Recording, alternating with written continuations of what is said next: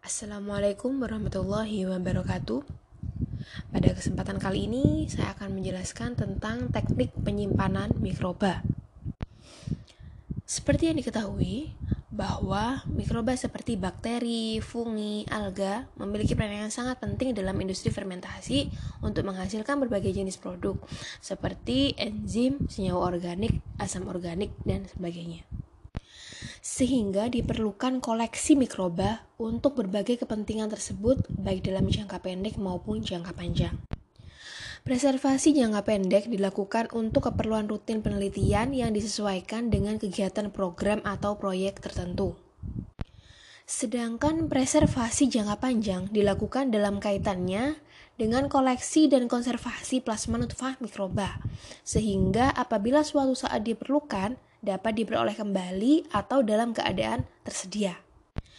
Dalam kaitannya dengan pemanfaatan koleksi mikroba, Tujuan koleksi dan preservasi mikroba dibedakan menjadi dua kelompok, yaitu untuk keperluan yang pertama pribadi atau lembaga non-komersial, dan yang kedua lembaga dan swasta komersial. Penyimpanan dan pemeliharaan koleksi berbagai kultur murni ini sangat penting karena mikroba sangat mudah mengalami perubahan sifat, sehingga menjadi strain baru yang berbeda dengan aslinya. Penyimpanan dan pemeliharaan kultur murni ini berfungsi yaitu untuk satu, menjaga viabilitas atau daya hidupnya.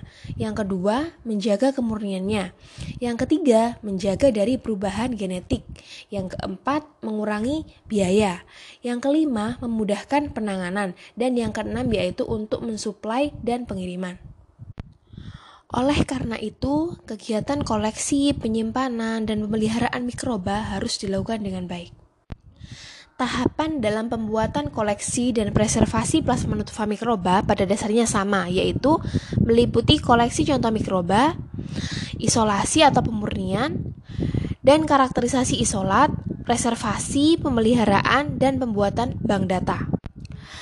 Metode pembuatan dan penyimpanan koleksi atau preservasi harus sesuai untuk menjaga agar biakan mikroba tetap hidup, ciri-ciri genetiknya tetap stabil dan tidak berubah, serta hemat biaya dan tenaga. Metode yang dipilih sangat tergantung pada sifat mikroba dan tujuan preservasi. Sifat mikroba tercermin dalam satu ciri-ciri morfologi mikroba yang beragam, yang kedua ciri-ciri fisiologi dan biokimia mikroba, dan yang ketiga kemampuan mikroba bertahan hidup, baik dalam lingkungan alamiah maupun lingkungan buatan. Seperti yang telah disampaikan sebelumnya, koleksi mikroba dilakukan untuk kepentingan jangka pendek maupun jangka panjang. Penyimpanan jangka pendek mikroba dilakukan dengan memindahkan secara berkala jangka pendek, misalnya sebulan sekali dari media lama ke media baru. Teknik ini memerlukan waktu dan tenaga yang banyak. Sedangkan pada penyimpanan jangka panjang, metode yang paling efektif dan banyak dilakukan yaitu metode liofilisasi atau krim beku dan kriopreservasi.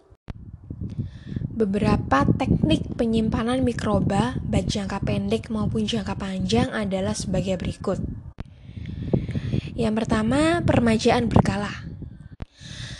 Permajaan berkala merupakan permajaan dengan cara memindahkan atau memperbarui biakan mikroba dari biakan lama ke medium tumbuh yang baru secara berkala, misalnya sebulan atau dua bulan sekali.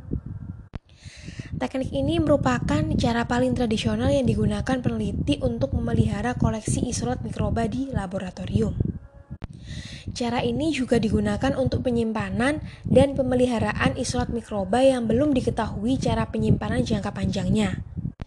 Permajaan berkala tidak dianjurkan untuk penyimpanan jangka panjang. Teknik ini mempunyai berbagai kendala, di antaranya yang pertama, kemungkinan terjadi perubahan genetik melalui seleksi varian.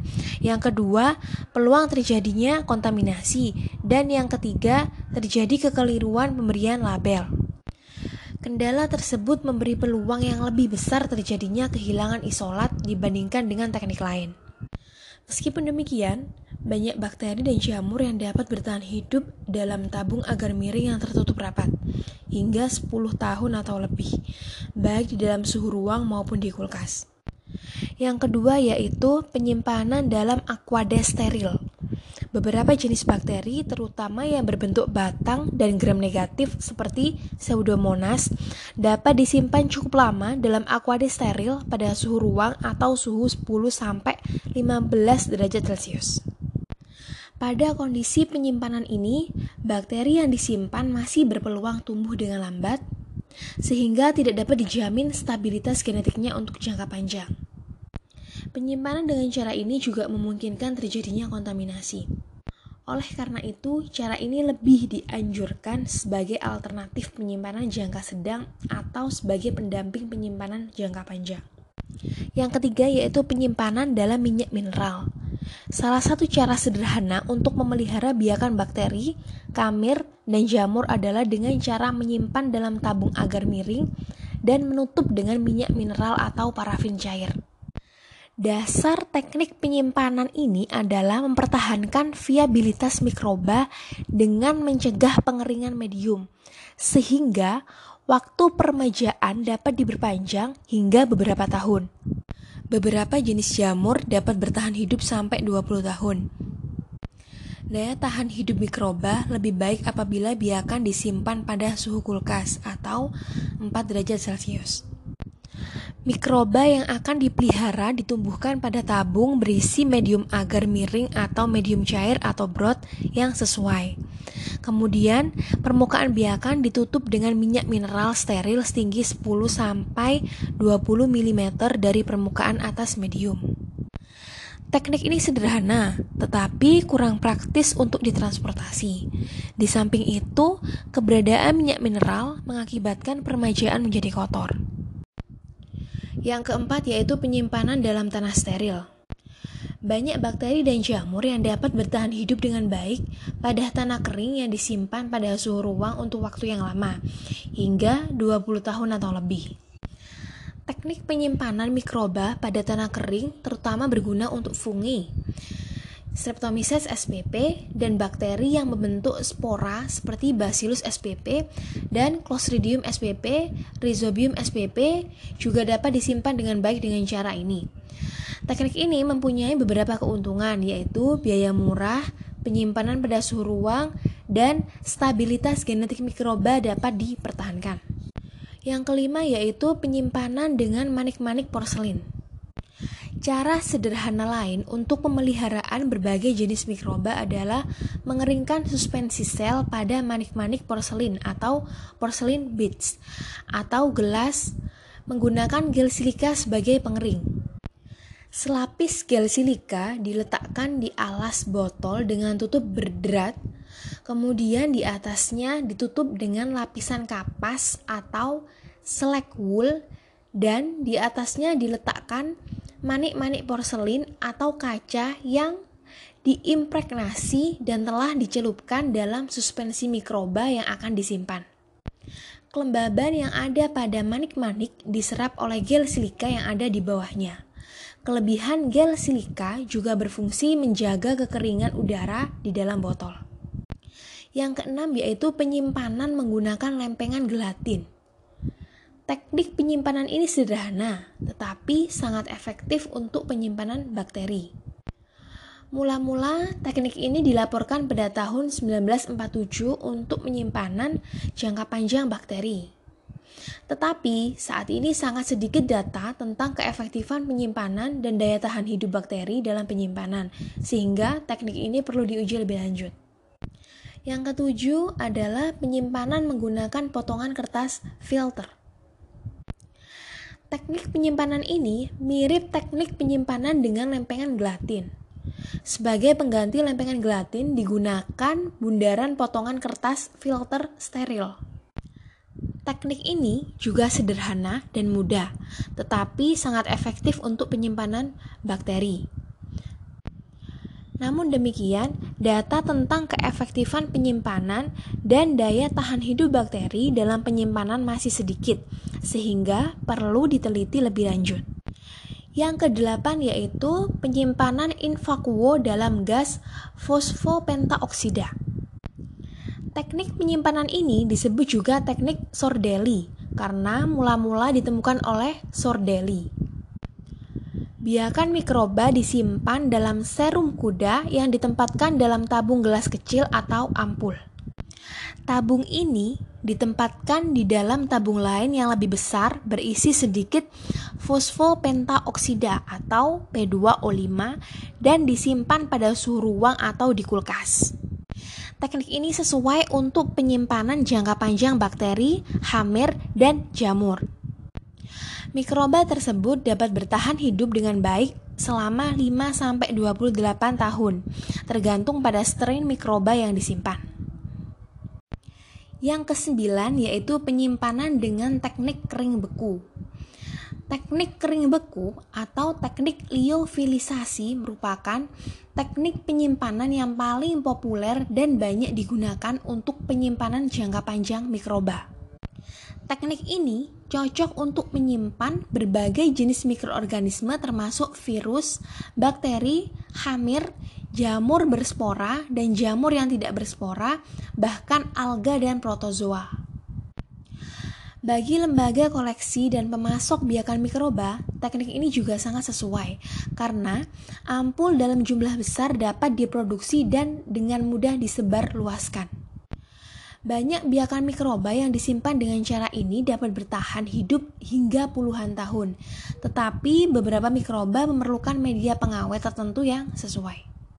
Proses kering beku merupakan kombinasi dua teknik penyimpanan jangka panjang yang paling baik, yaitu pembekuan dan pengeringan. Garis besar tahapan proses ini meliputi pembuangan uap air dengan cara sublimasi vakum dari status beku. Sebelum proses pengeringan, teknik ini menggunakan salah satu dari dua cara pembekuan suspensi sel. Pada tahap pembekuan atau pre-freezing, suspensi sel mikroba dapat dibekukan dengan menambahkan campuran pendingin seperti es kering atau dry ice dalam etanol. Alternatif lain adalah pembekuan dengan cara pembekuan sentrifugal, di mana suspensi sel dibekukan dengan cara pendinginan dan penguapan pada kondisi vakum. Sementara ampulnya diputar dengan kecepatan rendah untuk menghindari timbulnya buih. Selanjutnya, suspensi beku mikroba di dalam ampul dikeringkan dalam kondisi vakum. Cara ini menghilangkan kendala yang terjadi pada pengeringan biakan dari kondisi cair. Selanjutnya, Ampul kering beku dapat disimpan pada suhu ruang di tempat gelap. Kemampuan bertahan hidup jangka panjang mikroba dapat ditingkatkan dengan penyimpanan di kulkas. Hal yang perlu diperhatikan adalah cairan pengawet atau preservatif yang akan digunakan untuk pembuatan suspensi sel untuk mencegah kerusakan sel hidup pada tahap pembekuan dan pengeringan.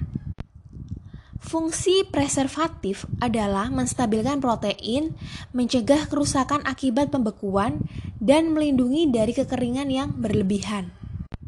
Pemilihan preservatif tergantung pada mikroba yang akan disimpan. Senyawa preservatif harus dapat memelihara mikroba dalam kondisi hidup dan memberi peluang untuk dapat ditumbuhkan kembali dengan baik dari kondisi kering. Salah satu preservatif terbaik dan telah digunakan untuk penyimpanan jangka panjang mikroba adalah Miss desiccans. Miss desiccans merupakan cairan dengan komposisi pepton difco 12 gram dan glukosa 30 gram dalam 100 ml aquades. Beberapa cairan preservatif lain yang sering digunakan ialah larutan pepton 1%, larutan susu skim 1%, larutan naglutamat 1%, dan larutan campuran serum kuda dengan pepton 10%. Yang ke-10 yaitu penyimpanan dengan teknik pengeringan cairan. Beberapa strain bakteri yang peka terhadap proses kering beku dapat disimpan dengan cara pengeringan suspensi atau liquid drying. Teknik ini dikembangkan oleh Enier pada tahun 1954, 1956, dan 1962 dan berhasil digunakan untuk menyimpan bakteri, hamir, jamur, dan virus. Teknik ini dimodifikasi oleh Banno dan Sakani pada tahun 1979. Keefektifan teknik ini untuk penyimpanan hamir dibuktikan juga oleh Bano pada tahun 1979. Yang ke-11 yaitu penyimpanan secara kriogenik. Virus, bakteriofag, kamir, jamur, beberapa jenis alga, dan protozoa dapat disimpan lama dengan kondisi beku dengan cara mereduksi sebagian besar aktivitas atau kecepatan metabolismenya. Mikroba tersebut telah disimpan dalam freezer yang bersuhu minus 20 derajat Celcius dan minus 70 derajat Celcius. Semakin rendah suhu penyimpanan, semakin kecil peluang kehilangan viabilitasnya. Penyimpanan mikroba pada suhu sangat rendah atau ultra low temperatures dengan cara pembekuan dalam nitrogen cair yang bersuhu minus 196 derajat Celcius memberi peluang peneliti menyimpan mikroba menggunakan teknik baku sederhana yang telah dibuktikan keberhasilannya untuk menyimpan berbagai jenis mikroba dan sel mamalia dengan kehilangan viabilitas yang sangat rendah dan stabilitas genetik yang tinggi. Berbagai jenis bakteri dapat dibekukan langsung dalam medium tumbuhnya, tetapi penambahan senyawa krioprotektan seperti gliserol atau DMSO dapat mengurangi dampak negatif atau stres dari pembekuan. Krioprotektan lain yang dapat digunakan adalah metanol, gula sakarida, pati, dan PVP atau polyvinyl pyrrolidon. Beberapa senyawa krioprotektan bersifat toksik dan berdampak negatif terhadap mikroba, terutama pada saat pembekuan dan pencairan biakan yang disimpan. Oleh karena itu, senyawa tersebut perlu diencerkan terlebih dahulu atau dihilangkan sama sekali pada waktu penumbuhan kembali mikroba. Pembekuan pada proses kriopreservasi sebaiknya dilakukan secara pelan-pelan dan diatur hingga mencapai suhu 0 derajat Celcius atau minus 40 derajat Celcius. Selanjutnya didinginkan dengan cepat hingga mencapai suhu akhir pendinginan, minus 196 derajat Celcius. Pembekuan dengan cepat dapat berakibat terbentuknya kristal es di ruang antar sel dan ketidakseimbangan elektrolit yang dapat mematikan atau merusak sel. Pencairan biakan mikroba yang disimpan sebaiknya dilakukan dengan cepat. Secara umum, bakteri, hamir, dan jamur lebih tahan terhadap kerusakan pembekuan dibandingkan dengan alga, protozoa, atau biak jaringan. Untuk tahapan teknik-teknik penyimpanan mikroba lebih detailnya dapat dipelajari pada PPT penyimpanan dan pengembangan mikroba. Beberapa catatan penting dalam penyimpanan mikroba yang pertama, Tiap isolat biakan paling sedikit dibuat 5 duplikat, tetapi semakin banyak semakin baik, sehingga pengujian viabilitas dapat dilakukan lebih leluasa. Yang kedua, pemberian label yang jelas, tidak mudah hilang untuk memudahkan pelacakan data. Yang ketiga, pengecekan rutin tidak hanya untuk menguji viabilitas, tetapi juga stabilitas genetik, terutama virulensinya. Dan yang keempat, pembuatan database dari koleksi isolat mutlak diperlukan. Sekian untuk penjelasan tentang teknik penyimpanan mikroba. Terima kasih. Wassalamualaikum warahmatullahi wabarakatuh.